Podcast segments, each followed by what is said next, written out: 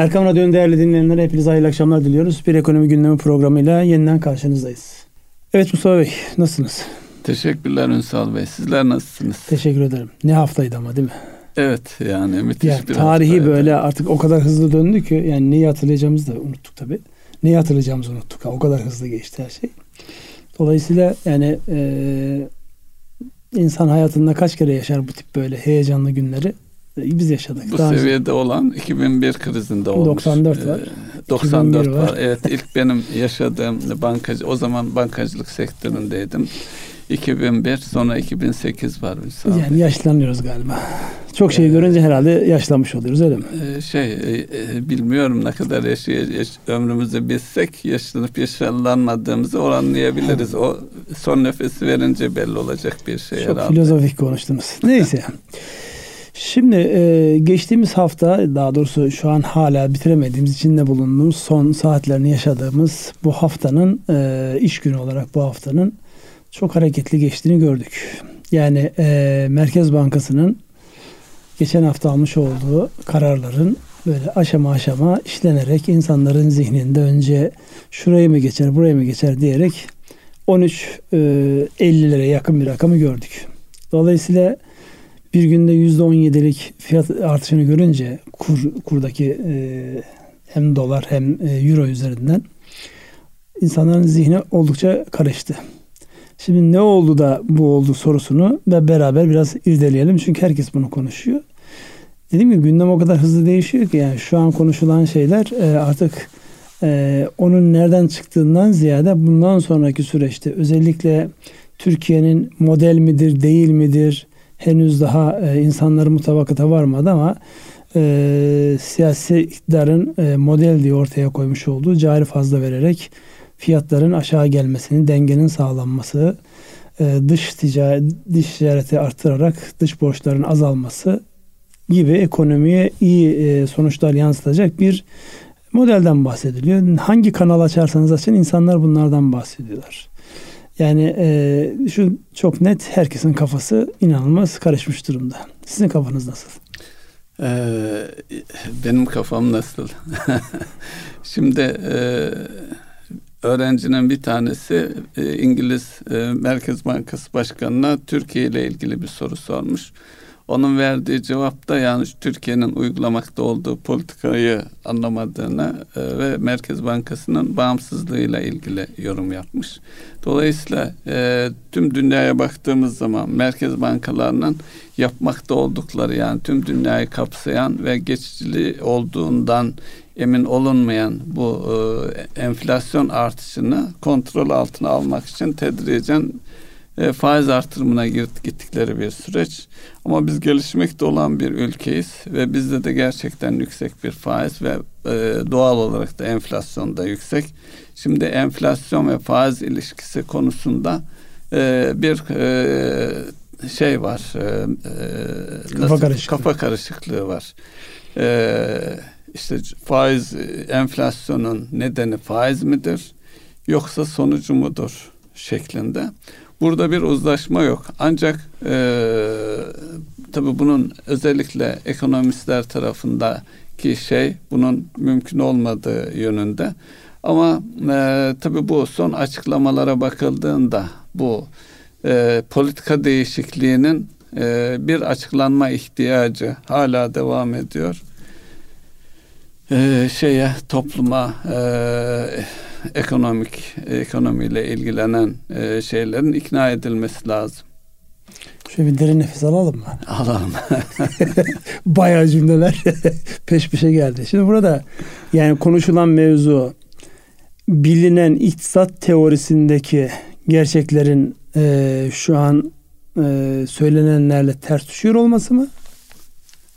Yoksa yani denenmemiş birçok şey Şöyle var. diyelim bilinen e, tecrübenin dışında bir gelişme. Ama Daha sadece önce de tecrübeyle, denenmiş. tecrübeyle alakalı anlatılmıyor ki. Mesela şu an dünyada literatür anlamında baktığında bir fişerci yaklaşım var bir de anti fişerci Hani yaklaşım ilim var. ilim dedikleri e, nasıldı? E, şey kıyılık halimiş Yani şeyinden e, hareketle. Şimdi ilmin bir kıyıkal dedikodudan ibaret olduğunu söylersek bu sefer haksızlık etmiş oluruz. O kadar e, şeye gitmeyelim. Ama şu bir realite. Netice itibariyle konuşulan şeyler teorik şeyler. Yani geçmişteki özellikle bu 1929'daki o meşhur krize çözümüyle alakalı Keynes'in ortaya koymuş olduğu daha devletin kendini hissettirdiği daha bir kontrollü yapıdan sonra işte Friedman'cı bir yaklaşımla parasal genişlemeler ki yani evet. mesela son 2008'den bu yana yaşadığımız tamamen parasal genişlemeci e, bir yaklaşım. Paraya bu piyasayı o dengesini sağlasın, gideceği yere gitsin şeklindeki bir yaklaşım. Şimdi bunların hepsi deneniyor. Aslında eş zamanlı olarak bir taraftan e, devletler ekonomilerindeki özellikle en büyük oyuncular olan bankacılık sistemini, finans sistemini ayakta tutmaya çalışıyor.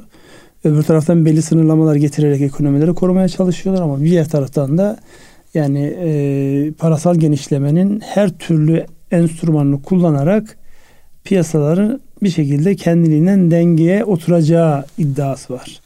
Şimdi bunların hepsinin bir arada olduğu ortamda mesela Türkiye'nin ortaya koymuş olduğu bu şey e, faize zaten şu an dünyanın neredeyse birçok ülkesi reel olarak artı faiz vermiyor tasarruflara. Evet. Yani evet. bunu Avrupa Merkez Bankası açık açık e, beyan ediyor. Diğerlerinde de enflasyonla açıklanan faiz oranları arasında baktığınızda Amerika başta olmak üzere birçok gelişmiş ekonomide şu an enflasyon faizin üzerinde bir yerde. Dolayısıyla dünyanın şu an net olarak eksi reel faiz uyguladığı bir dönemdeyiz. Evet. Türkiye bunu kaç puan uygulasın sorusunun cevabındayız. Yani e, 200 bas puan mı eksi de olalım? 500 bas puan mı olalım? Yoksa 1000 bas puan mı olalım? E, şu an tartışmasını yapıyor. Öz itibariyle aslında dünyanın herkesin uygulamış olduğu bir eksi reel faiz e, uygulamasının e, bir yansıması var. Ha bizdeki problem şu. Herkes şunu söylüyor. Bizim kaynağa ihtiyacımız var. Dolayısıyla kaynağın gelebilmesi için de cazip olmamız lazım. Cazibe nerede? Kurları sabit tut. Gelsin yabancı dövizini bozsun e, yüksek getirili devlet iş e, borçlama kağıtlarına ya da borsaya girsin. Hızlı bir şekilde o sıcak para tabir ettiğimiz portföy yatırımları tabir ettiğimiz şeylerle. Sonra süre bitsin alsın gitsin. Bu konuyla ilgili sabahleyin e, Bakan Yardımcısı Nurettin Nebati'nin tweetleri var Ünsal Bey. Tam Aa, da o, o tam öyle şey dediğiniz e, konuyla ilgili buradan e, okuyayım isterseniz tweet'i. Lütfen. Mevcut piyasa koşullarında politika faizinin enflasyonun altında tutulmasında herhangi bir sorun yoktur.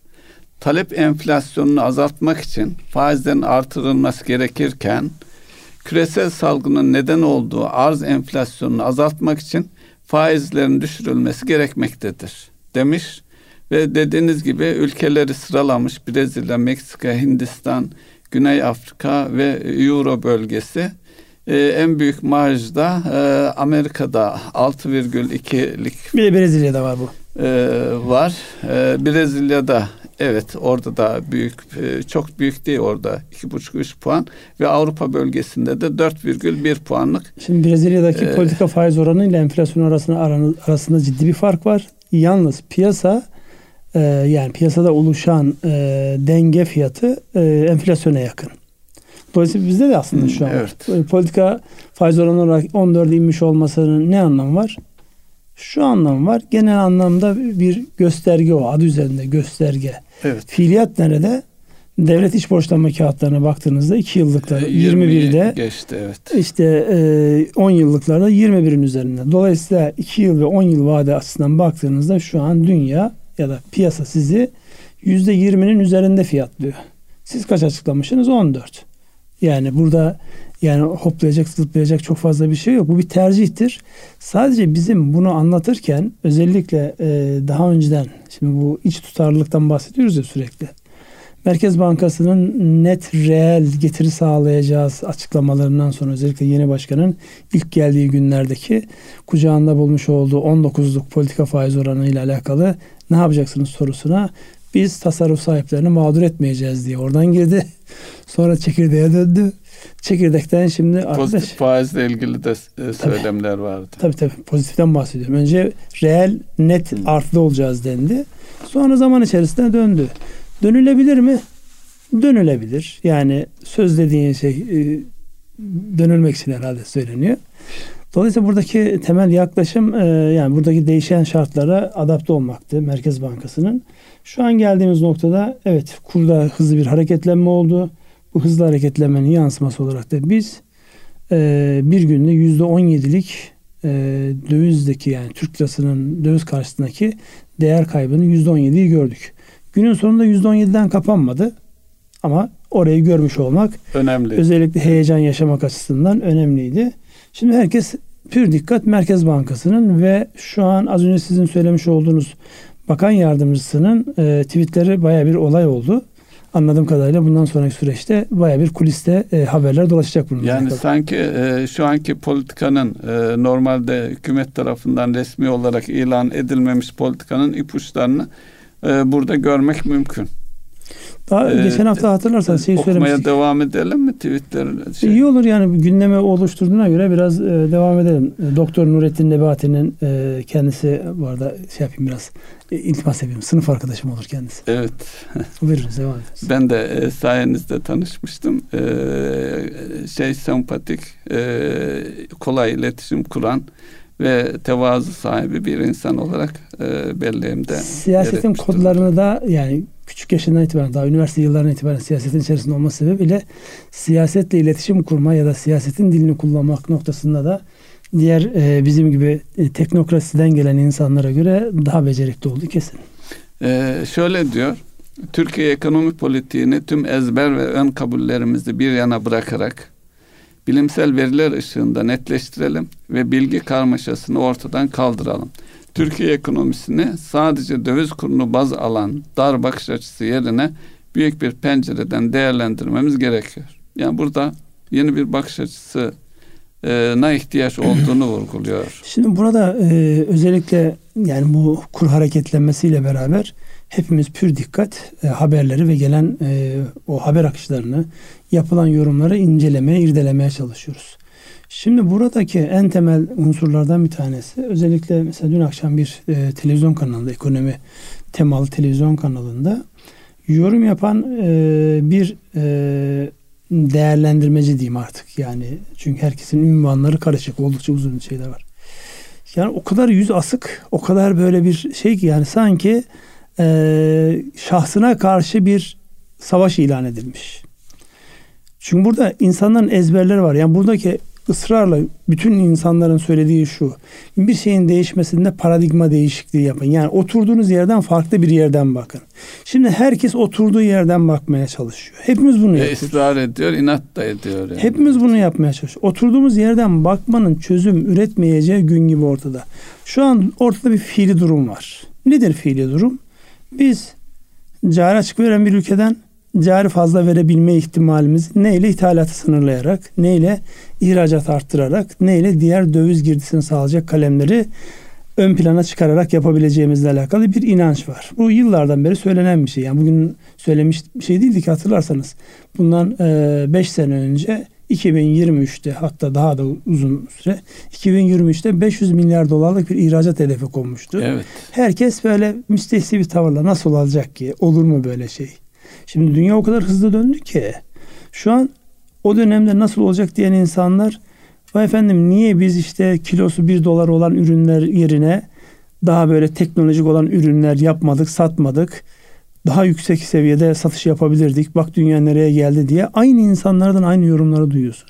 Ya arkadaş sen şimdi siyasetin ya da işte e, vitrinde olan insanların dün söyledikleriyle bugünki arasındaki farkı bulup onunla kendince kafa buluyorsun da senin söylediğin arasındaki farkı kim e, ne desin sana?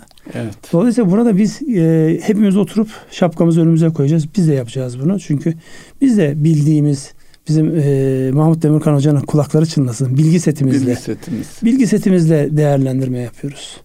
O bilgi setimiz bize ne öğretmişti bugüne kadar? Yani bilgi setimizde ne varsa onunla değerlendirme yapıyoruz. Ama şu bir gerçek. Özellikle 2008'de Lehman hadisesinden sonra akan süreçte baktığımızda herkesin ezberi bozuldu. Bilinen bütün ezberler bozuldu. Dolayısıyla ezberin bozulduğu zaman eski ezberde inat etmenin bir anlamı yok. Yeni durum ne söylüyor sözünün cevabını aramamız gerekir diye ben böyle bir sözü, Şimdi, sözü atayım. E, yeni bir tweet'i daha okuyacağım. E, okuduktan sonra aslında söylesem düşündüğümü daha şeydir. E, diyor ki e, son kur atağında reel sektörde türbülanslar yaşansa da ekonomimiz tüm gücünü korumaktadır. Nitekim yeni kurulan şirket sayısı geçen yıla göre artarken kapanan ya da konkordato ilan eden şirket sayısı azalmaktadır. Karşılıksız çıkan çek oranları da tarihi dip seviyesindedir. Şimdi hatırlarsanız 2000 krizinde orada da bir dövizin çıpalı kurdan işte çıpaları şey yapıp anayasa fırlatılmasıyla başlayan siyasi e, krizin sonuçları idi. O zamanki ekonomimizin yapısıyla gerçekten şimdiki yapısını düşününce de arada müthiş bir fark olduğunu söyleyebiliriz. E, bu hafta içerisinde bir iş adamıyla konuştum. E, şunu söylüyor. Tüm ihracatçı da e, iç piyasaya çalışan da herkesin işi şu anda gayet iyi. İş noktasında. Ancak şu e, belki onu biraz daha konuşmamız lazım. Bu değerlemeden sonra da e, bu hafta sektörlerde ne oldu? Nasıl algılandı? Bundan sonraki süreçte bu kur e, çalkalan e, kur e, şeyi diyelim dalgalanmasının e, sonuçlarını tekrar ona göre yorumlayalım. Şimdi burada e, aşama aşama gidecek olursak yani burada e, toz pembe bir görüntü yok. Yani artısıyla eksisiyle bir realite var. Nedir o realite? Biz bu şoku yaşadık. Yani buna e, bazıları e, terminolojiyi de bozarak devalüasyon falan diyor.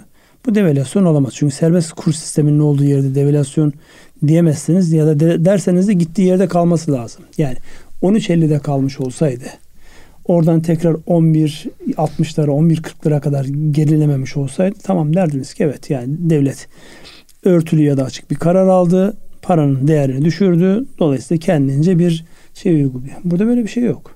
13.50'ye gitti. 11.40'a geldi. 12.30 oldu tekrar. Sonra 12'ye geldi. Artık yani şey izlemekte zorlandık ama en azından dün ve bugün daha stabil duruyor. Şimdi buradan baktığımızda devalüasyon ifadesini kullanamayız. Ama şunu söylemekte hiçbir beis yok. Bu gelişme bizi ülke olarak işte hesaplanan o milli gelirlerde, kişi başına düşen e, milli gelir mi? Kişi başına düşen gayri safi hasılada, ülkenin gayri safi hasılasında bir gerileme oldu mu? Evet gerileme oldu. Bunun yansıması ne? Özellikle sabit gelirli insanların gelirlerinin yani baktığınızda e, daha önceki o harcama sepetinde denk düşürmekte zorlanacağını söylemekte hiçbir beis yok. Bunu inkar eden kimse de yok. Yani bunu her kesim söylemiyor mu? Siyaset diyor ki asgari ücreti makul hale getireceğiz. Evet, işte iş adamları diyor ki iyi oranlarda zam yapmamız lazım ki nitelikli insanları kaybetmeyelim vesaire vesaire. Yani bu konuyla alakalı iktidarın muhalefeti, iş dünyası, finansçısı hiç kimse ücretlinin, sabit gelirlerin ücretlerinin iyileştirilmesinin gereğiyle alakalı bir itirazı var mı? Yok. Ama bir tarafta şu da var. Sizin söylemiş olduğunuz yani şu an sanayi kapasite kullanım oranı tarihi dibine gelmiş vaziyette. Yani dip derken Zirveye yukarıdaki çıkmış, evet. şeyde sınırına gelmiş vaziyette.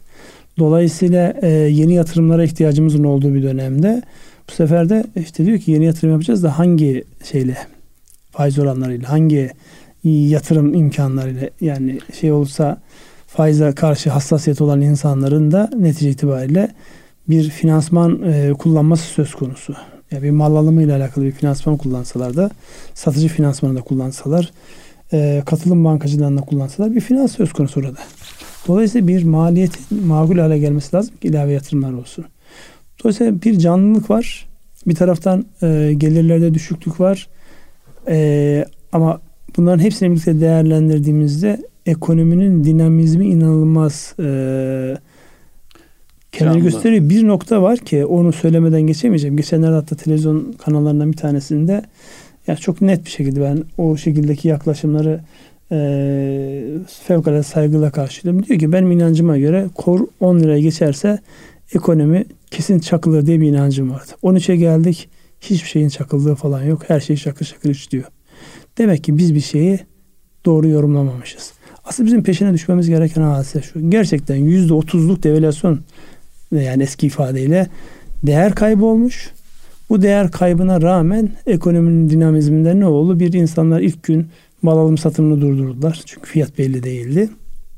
Sonra Sonrası şu an artık fiyatlamalar oluşmaya başladı. Buyurun. Bir tweet daha e, okuyayım. Tweet'e taktın sen e. Ama buradan e, hareket etmek çünkü e, Nurettin Bey'in bu tweetleri özellikle Dünden konuş, beri bayağı bir şey. Gündem oluşturduk. konuşulanlara cevap teşkil ediyor. Tamam. E, hatta e, Kavcıoğlu'nun sanırım bir şeyi vardı. E, bazı ekonomistlerin haksız veya aşırı eleştirilerine muhatap oldukları yönünde E, şöyle diyor, bu politikamıza yönelik manipülatif kur ataklarının olduğu bir dönemden geçiyoruz.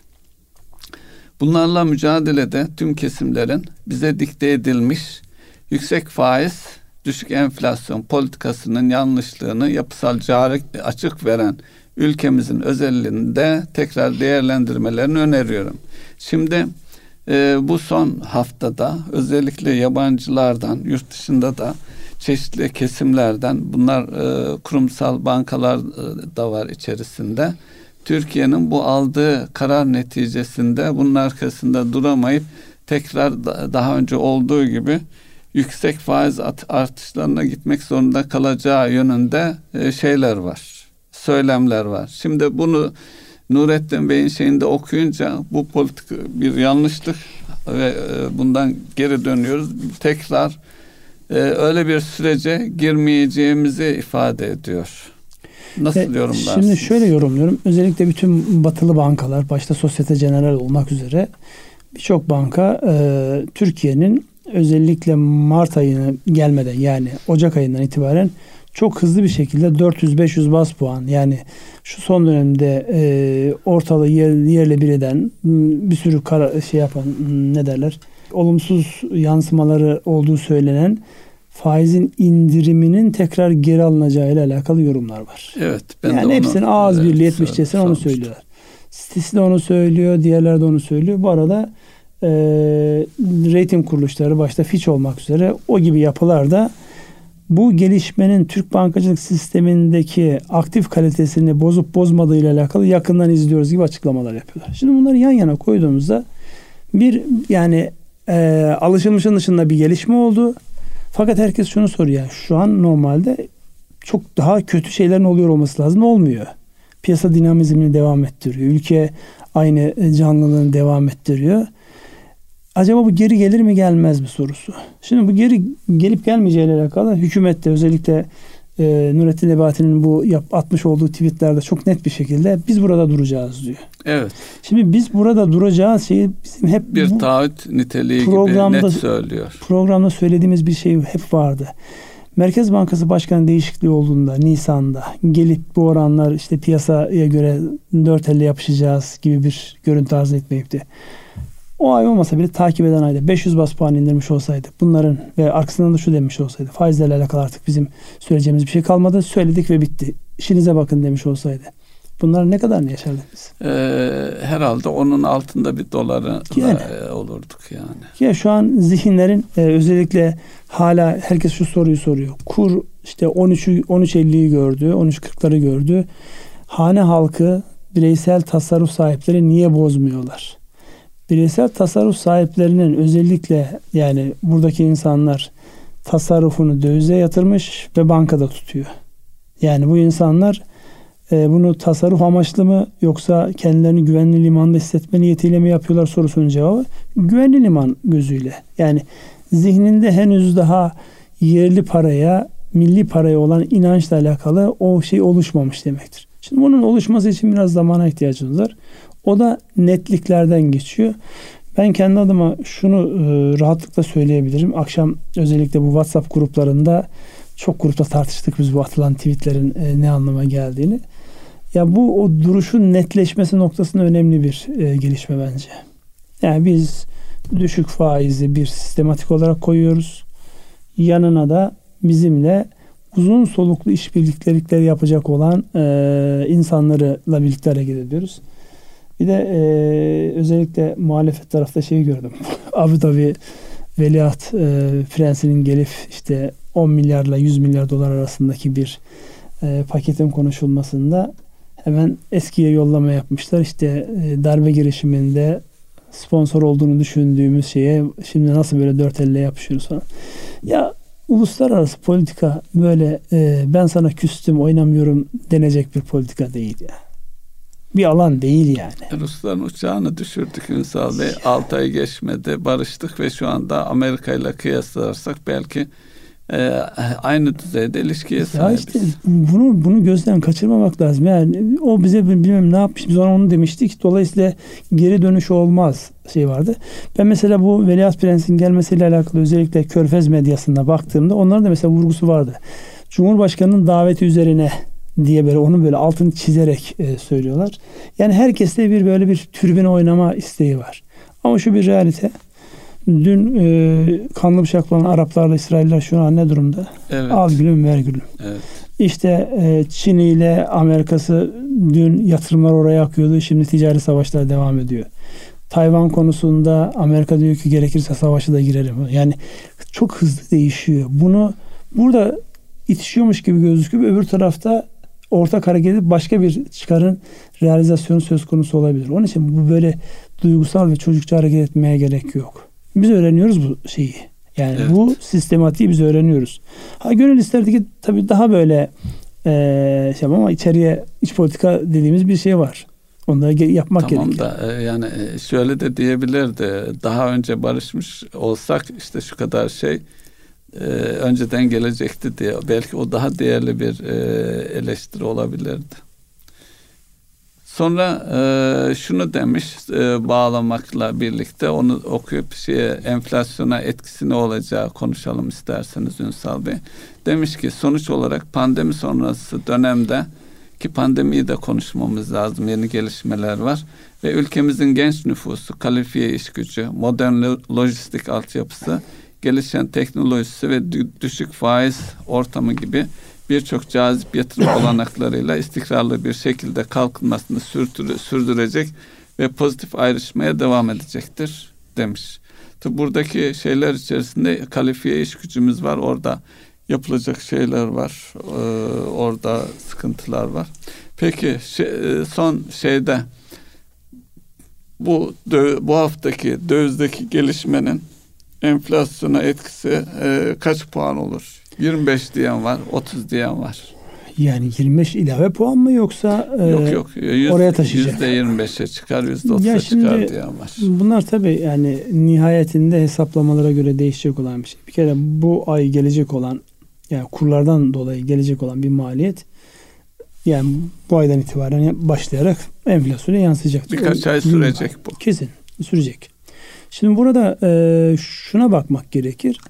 Şimdi özellikle sizin o söylemiş olduğunuz tweetlerde yani bu anlıyorum ki siyasi iktidarında bundan sonraki ekonomik politiği ile alakalı duruşunu gösteriyor. Nedir o? Yüksek faiz ve düşük enflasyon anlayışıyla mücadele edeceğiz. Yani yüksek faizi asla uygulamayacağız. Düşük enflasyonun olması için yani yüksek faizden dolayı düşük enflasyonun olması değil, doğrudan düşük enflasyonun olmasıyla alakalı bir e, duruşumuz olacak. Bunun için elde ne var? Elde para politikası araçları var, maliye politikası araçları var. Ve bunun haricinde kısa sürede sonuç vermeyecek olan belki yapısal tedbirlerle alakalı şeyler var ama onların hemen kısa vadede olması beklenmez. Şimdi bu bir duruş. Yani siz kalkar e, ithalatı e, yani özellikle lüks tüketime, yatırıma dönmeyen ithalatın önünü keser. İhracata e, altlık teşkil edecek olan ithalatı kontrollü bir şekilde. Çünkü bir taraftan da şu var. Yani bunu da görmek lazım. Eski ithal ikamesi değil ama mesela stratejik e, planda şöyle bir şey vardı. 150'ye yakın e, stratejik önemi olan ürünün ülkede üretilmesiyle alakalı alınmış karar vardı. Ve bunun e, üretilmesi konusunda bir taraftan TÜBİTAK'ın çalışmaları var. Öbür taraftan teşvik sisteminin işte COSGAP gibi küçük daha ölçekli e, teşvik sistemlerinin yansıması olarak şunu görüyoruz içeride üretilebilecek ve uzun vadede ihtiyaç duyacağımız şeylerle alakalı ciddi bir zihni değişiklik var. Ve Türkiye'nin özellikle bu üretebilme becerisi de bunu fevkalade e, destekleyen bir e, görüntüde. Dolayısıyla bu bir duruş. Bu duruşun yansıması yani mutlak olumsuz olur diye yaklaşmak yani abesli iştigal olur. Peki burada e, özellikle e, Çin'den kaynaklanan bizim öne çıkmamıza yol açan pandemi süreci var biliyorsunuz. Çin e, yeterince ulaşamıyor ve tercih edilemiyor navlun fiyatlarıyla.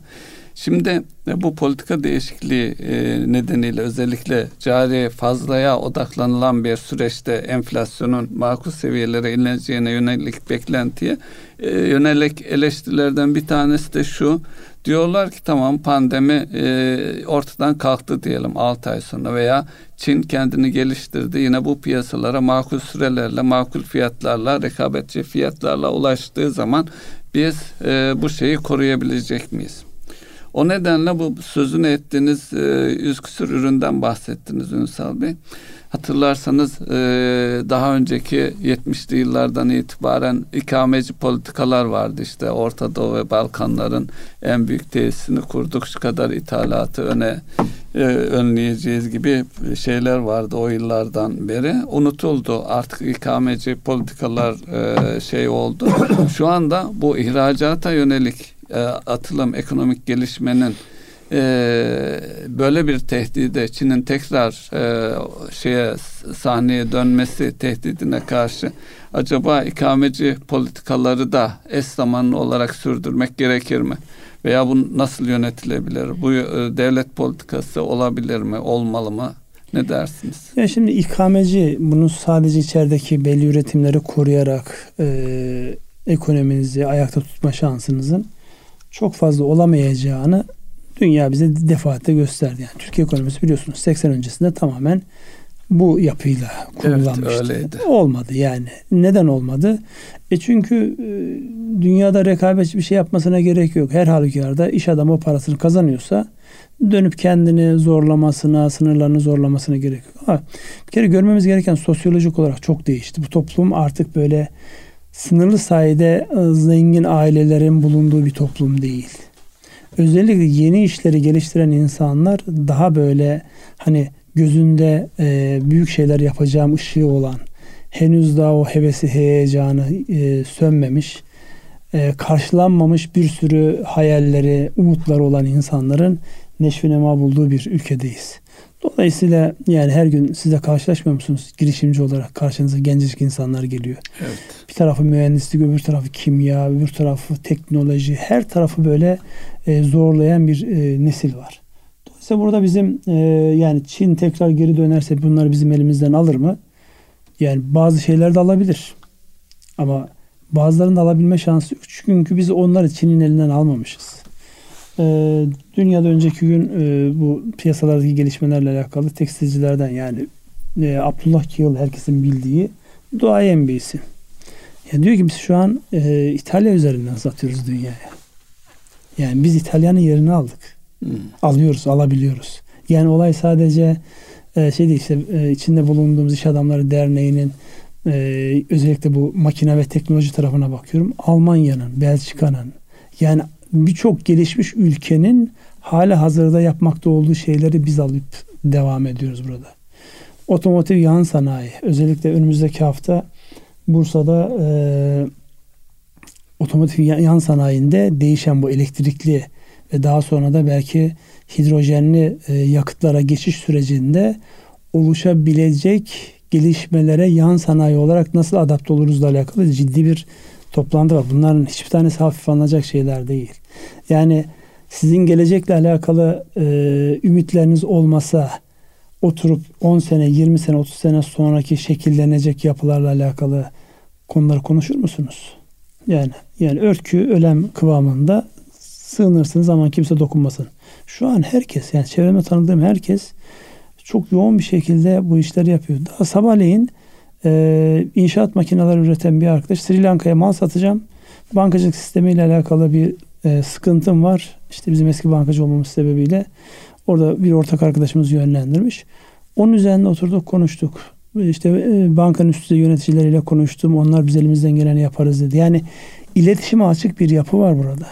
Herkes ihracatı desteklemek için elinden geleni Bu yapıyor. Bu ikameci şeyde Ünsal Bey özellikle kimya sanayinde plastik e, ham madde ve türevlerinde e, yani e, petkim gibi 5-6 tane daha tesise ihtiyacımız var. En azından ikameci e, noktasında bu aramalı dediğimiz, ham madde dediğimiz ve kit, bunlar büyük yatırımlar dolayısıyla bunları devletin e, bir yolla destekleyeceği, belki içinde yer, yer alacağı e, çözümler üretse veya o noktada adımlar atılsa dediğiniz gibi gençler koşturuyor ama on, neticede bir ham maddeye ihtiyaç var. Onu yurt dışından almaya e, mahkum olduğumuz sürece e, enerjide olduğu gibi olmazsa olmaz ciddi bir döviz çıkışımız var.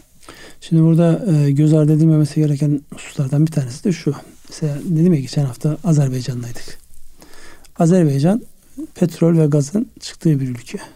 Ama kendi ihtiyaçları duyan rafineri ihtiyacını bile kendi ülkelerine karşılayamıyorlar.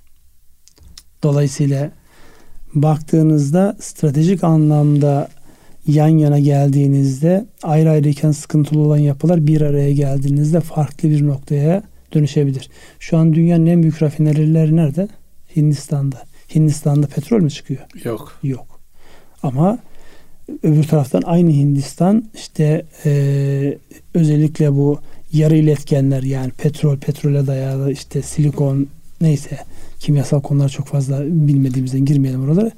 Bunlarda inanılmaz işler yapan şirketlerin e, şu an baktığınızda dünyadaki Hintliler de onlarla övünüyor. Dünyanın en büyük şirketlerin başındaki CEO'lar Hint kökenli. Evet.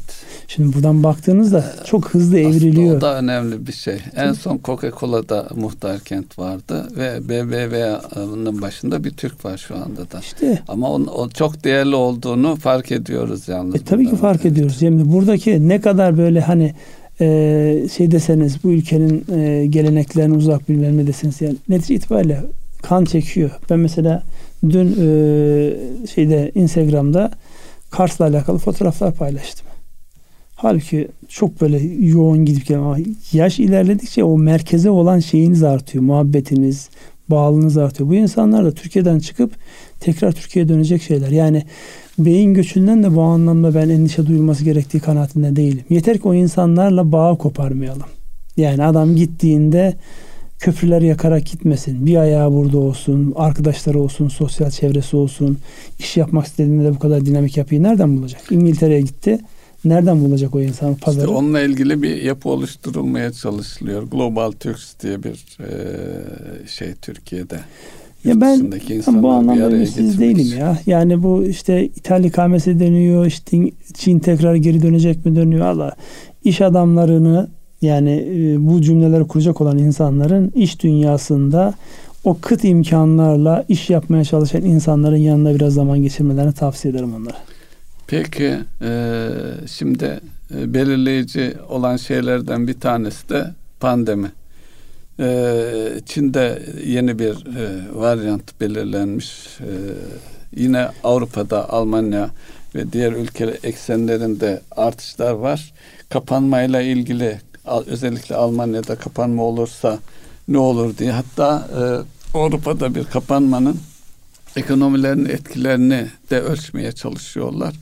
Şimdi e, bizi pandemi süreci tekrar e, bir e, yükselme olursa, ülkemizde de olursa bizi ne bekliyor? Ne yapmak lazım şimdiden?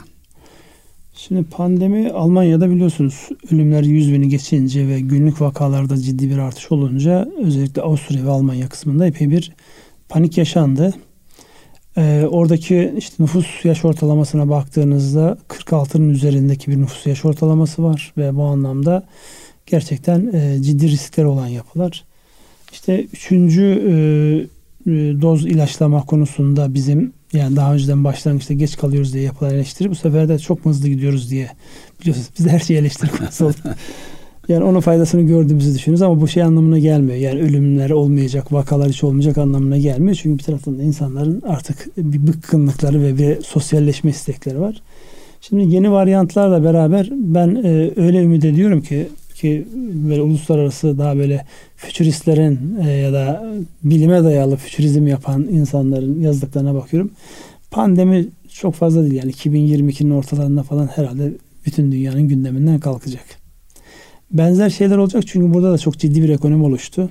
Özellikle bu gıda takviyeleriyle başlayan yani hepimizi neredeyse e, bağımlı hale getiren bir sürü e, daha önceden D olmayan alışkanlığımız öneriliyor yoğun olarak ve ucuzmuş da.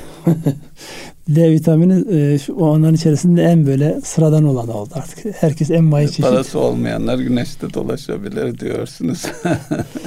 Yok oradaki gıda takviyeleriyle alakalı ciddi bir sektör oluştu. Dolayısıyla burada yani e, o gündemden kalkacak asıl e, yeni dünyanın e, yeni güç merkezlerindeki savaşlar başlayacak. Özellikle e, bilmiyorum ilgilenen ilgilenenler bakıyordur.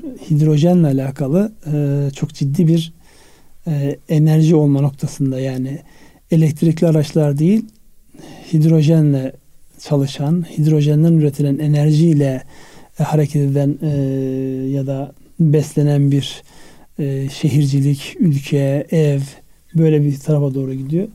Dolayısıyla gündemler çok hızlı değişecektir. Biz o gündemlerden kopmayalım yeter. Ee, ama onun için teknoloji e, gelişmesi gerekiyor. Bir de yeşil e, hidrojen tanımı var. Hidrojenin de nasıl üretileceğine ilişkin Yine orada da teknolojik gelişmelere ihtiyaç var. Ama özellikle Batı ülkelerinde ciddi yatırımlar yapılıyor. Ee, bizdeki durum e, nedir bilmiyorum. Bizdeki durum şu, Türkiye'nin en büyük sanayi kuruluşu diyeceğimiz TÜPRAŞ'ın bir açıklaması oldu. Yıllık 350 milyon dolarla e, yani 5,5-6 milyar dolarlık özellikle bu dönüşümü yani karbondan hidrojene dönüş sürecinde yani gündemlerinde olduğunu ve bunun bir bilinçli olarak yapılabileceğini. Çünkü büyük yatırımlar bunlar. Bu büyük yatırımlar yapabilecek olan da mevcutta büyük olan gruplar. Yani şu anki petrol şirketleri o tarafa doğru kayıyor. Çünkü onlar petrolün e, bağımlısı değiller. Paranın bağımlısılar. Para ne tarafa doğru akıyorsa, güç ne tarafa doğru akıyorsa o gücü kontrol etmek isteyeceklerdir. Dolayısıyla yani şu an e, farkında değil mi? Bence ülke farkında. En basitinden işte önümüzdeki hafta Bursa'da yapacağımız bir, e, bir birliktelikli iş adamları e, otomotiv yan sanayinin değişen bu yeşil mutabakat çerçevesinde değişen e, teknoloji ve ihtiyaçlara nasıl evrilebileceği ile alakalı kafa patlatıyor insanlar. Ve ben bilmiyorum siz takip ediyor musunuz? 2-3 e, tane bu özellikle yeni enerji, yenilenebilir enerjinin yanında yeni enerji konusunda da başta hidrojen olmak üzere takip ettiğim e, web sayfaları ve gruplar var. Oralarda böyle çok heyecan verici gelişmelerin olduğunu görüyoruz. Yani çok şey olacak gözüküyor orada. Ee, öyle sanıyorum bu sıfır karbon hedefine teknolojiye bağlı olarak çok daha kısa sürede erişmek mümkün. Bir de şu açıdan e, bakılıyor Batı ülkelerinde bu yeşil dönüşüm e, sıfır karbon hedefi e, doğrultusunda birçok sektörün yeniden yatırım yapma ihtiyacı var. Yatırımları yenileme. Onun da o yatırım ihtiyacının kendi ekonomilerini ciddi biçimde da, e, canlandıracağını tahayyül ed- ediyorlar. Hele hele özellikle Batı ülkelerinde e, nüfus yaşlı bir nüfus olduğu için gelişme bir noktadan sonra ne yaparlarsa yapsınlar tasarruflar artıyor, tüketim artmıyor ve ekonomiler bir sarmala giriyor. Bunu e, daha aşacaklarına yönelik bir e, şey ne diyeyim e, bir iştah oluşmuş durumda. Aslında bu da ciddi bir pasta. Bunu da dikkate almak belki o açıdan da bakmak lazım. Yani yeşil dönüşüm ilave maliyet değil tam tersine yeni bir yatırım, yeni fırsatlar diye de bakılabilir herhalde. Ya burada zaten o yorum yapanlar şu diyor biz sanayi devrimini ıskaladık bilgi çağını başını skaladık ama şu yeni dönüşümü yani yeni gelen şeyde özellikle genç ve eğitimli e, nüfusun varlığı özellikle memuriyetten girişimciliğe evrilen bir zihin var şu an genç insanlarda. Bunların varlığı büyük paralara ihtiyaç duymadan daha küçük küçük biraz buna Japon modeli e, yapılar da deniyor. Küçük küçük birbirini tamamlayan, entegre olduğunda ortaya devasa bir yapı çıkaran e, oluşumlara hizmet edecek ve herkesle beraber bunu yakalama şansı var. Dolayısıyla bu önemli bir dönem. Bu dönemi ıskalamıyor olmamız. Yani iç e, kargaşalarla ıskalamıyor olmamız icap eder. Yani bir gün yüzde 17 artan, ertesi gün yüzde 7 düşen e, dövize çok fazla takılıp ana odağımızı kaçırmamamız icap eder. Bu bir iştah, bu bir heves. Yani şunu görüyoruz özellikle bütün dünyada yani uygulamadan gelen biraz bir teorik değil de uygulamadan gelen bir şey. Ee, bu tip kur ataklarıyla ekonomileri üretmeye devam ederken e, ucuzlayan varlıkların çok hızlı el değiştirdiği dönemleri yaşadık biz burada. Bu net örneği geçen hafta da bahsetmiştik. 97-98'deki uzak doğu krizi, işte Rusya evet. krizi. Hatta bunun yansımaları bir ara e, Çin'de falan da oldu ama Çin daha çok üretici bir ülke olduğu için oradan firma almak gibi bir düşünce yoktu. Şimdi bunların yaşandığı Çin'in koruması da vardı komünist evet. rejim olduğu için. Dolayısıyla bunların yaşandığı bir dönemde biz e, o ıskaladığımız sanayi devrimi ve bilgi çağını bir şekilde yakalayabiliriz buradan. Ee, Ünsal Bey bu arada e, yoğun olarak yapay zeka ile ilgili webinarlar düzenleniyor ve çok konuşuluyor. Ee, izlediğim bir şeyde önümüzdeki 10-15 yıl içerisinde 10-15 trilyon dolarlık bir harcamanın bu e, alanlara yapılacağı yönünde. Belki yapay zeka e, üzerinde de e, stratejik olarak e, e, bir yatırım veya e, nasıl diyeyim sektörel olarak stratejik bir sektör olarak seçilmesi gerekir herhalde. Kesinlikle seçilmesi gerekir. Orada işte atlamamamız gereken en temel şeylerden bir tanesi big data. Yani yapay zekanın önündeki olan o dataların toplanması. Yani o zekanın işleyebilmesi Dataya için ihtiyaç var önce. Zekanın işleyebilmesi dataların toplanması, dataların toplanması, analiz edilmesi, bilgiye oradan da faydalı bilgiye dönüştürülmesi gereken bir süreç var. Dolayısıyla biz e, özellikle bu data toplama noktasında son zamanlarda bir uyanış var, bir bilgilenme, bir bilinçlenme var. Ama e, dünyanın üretmiş olduğu bu anlamdaki bilince henüz daha yakalayabilmiş değiliz. Yani şu an baktığınızda şurada sizinle konuşurken e, bir taraftan da ekrandan e, aradıklarımız, baktıklarımız bunların hepsi bir veri olarak bir yerlere gidiyor. O veri gittiği yerlerde genellikle bizim sistemimiz değil yani. Nereden hangi arama motorunu kullanıyorsak, hangi sayfada ne kadar kaldıysak onları en iyi onlar saklıyor. Dolayısıyla buraları alternatif teşkil edecek oluşumlar var. Daha da derinleşmesi. Yani buradaki mevcut sistem üzerinden bile data toplayıp o datayı analiz edebilen e, gelişimler var. Bizim de özellikle yazılım tarafında ve e, yapay zeka tarafında bu anlamda ciddi girişimler var. Yani orada ben e, şey değilim, ümitsiz değilim. Orada güzel şeyler olacak gibi gözüküyor. Evet. Siz saati mi gösteriyorsunuz? Evet. Var daha bir beş dakikamız daha var. Ee, şeyde e, Nurettin Bey'in e, tweetinde şey vardı e, insan kaynağına değiniyordu. Burada geçen e, dönemde de geçen yılda sanıyorum 1 milyon IT tarafında eleman yetiştirme hedefimiz vardı. Şu anda da e, acilen 200-250 bin arasında acil ihtiyaç olan bir sektör IT tarafı. E, yazı, sadece yazılım olarak değil, yazılım işte uygulaması, e, donanım tarafı hepsini birlikte e, düşünmek lazım. Belki buraya e, üniversite e, ile çözmek çok şey değil. Bir de mevcut e, yüzde yirmi altılık bir genç işsizliği düşünerek gençlerimizi e, ilave bir eğitim mi olur, nasıl olursa bu sektöre kaydırmak, adapte etmek zor olmasa gerek diye düşünüyorum. Yani bir yıllık, altı aylık e, belki işbaşı eğitimlerle e, onlar belli bir seviyeye git istihdam edilebilir seviyeye gelir diye düşünüyorum. Bu noktada bir şeyler yapılabilir mi? Belki Şimdi, kamu e, ön ayak olabilir veya e, iş adamı dernekleri de olabilir. E, iş adamı dernekleri e, istihdam garantisi de içereceği için kısmen belki daha doğru olur. Daha önce İşkur'un e, bu yönde teşvikleri vardı hatırlarsanız. Örneğin 30 kişilik bir teşvik veriyor ve bunun belli bir oranını en azından dörtte birini istihdam etme şartıyla belki bu e, bilinirliği artırılsa, yaygınlaştırılsa bir de öyle bir sorunumuz var. Yani teşviklerin özellikle e, KOBİ ve küçük işletmeler tarafından çok fazla bilinmediği yönünde bir gerçeklik var. Belki bunların da e, bir yolla yine e, her şeyi devletten beklememe adına iş adamı dernekler üzerinden belki olabilir. Şimdi burada benim buraya ilave edeceğim şey şu. E, yetişmiş insanların öğrenmesi ihtiyaç olmadığı zaman, problemle karşılaşmadığı zaman çok kolay olmuyor. Yetişkin insanlar problemle karşılaştığı zaman, bir şeye ihtiyaç duyduğu zaman, bir şeyin acısını hissettiği zaman öğrenmeye başlıyor.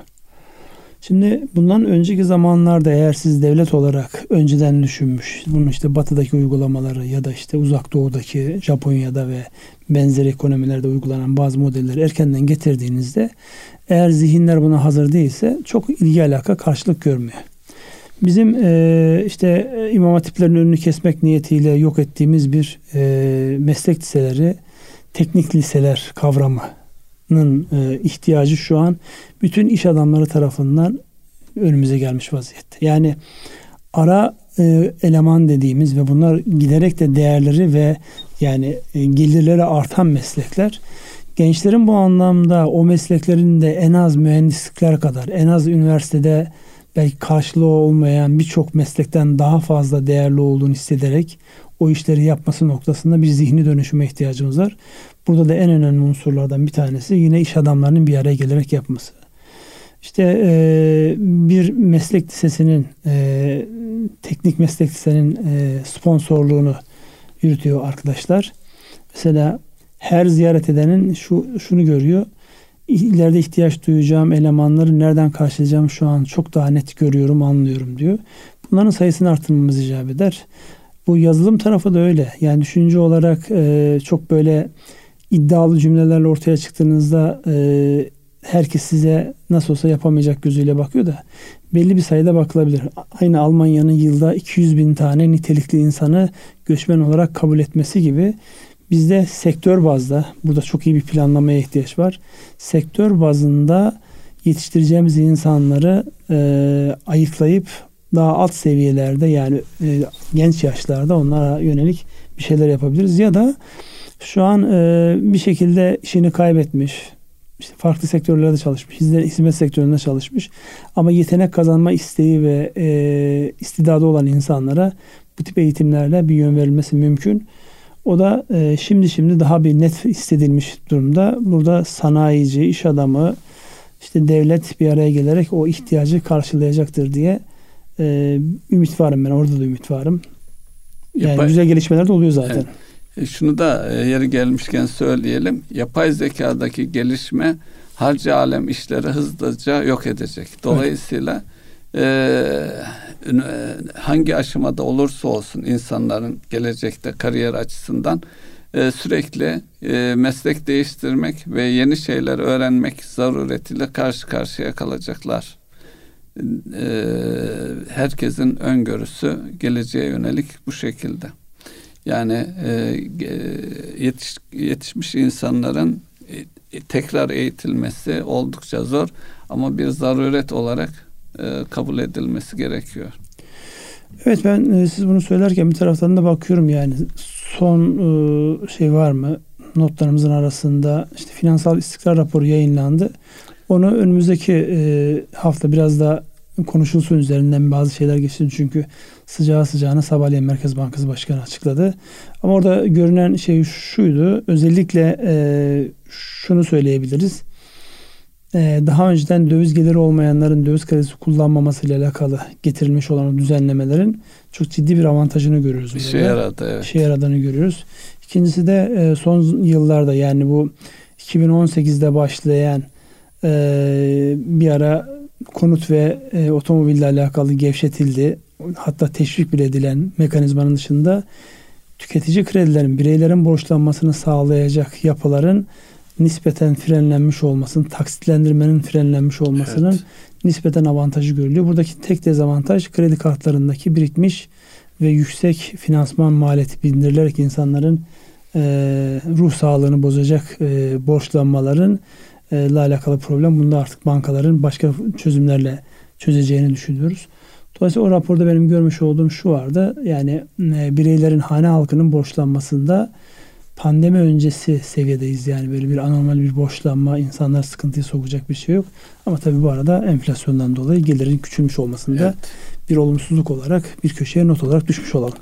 Bugün e, efsane cuma alışverişle ilgili buna ilişkin bir şey söylemek ister misiniz? Ya onun zaten hazırlığı yapılıyordu. Yani burada tabii e, Türkiye'de yani batıdaki gibi uygulamıyor. Türkiye'de önce fiyatlar bir yukarı gidiyor. Ondan sonra oradan indirim yapılıyor. Ee, insanlar istediğini alabilecek. Mesela bu haftayla ilgili Apple ürünlerinin satışını durdurmuşlar. Şu an başlamış. Yeni fiyatlarla tekrar başlamış diye bir haber hmm. gördüm. Yani eğer yanlış yani görmediysem. Efsane Cuma'ya yetiştirdiler o zaman.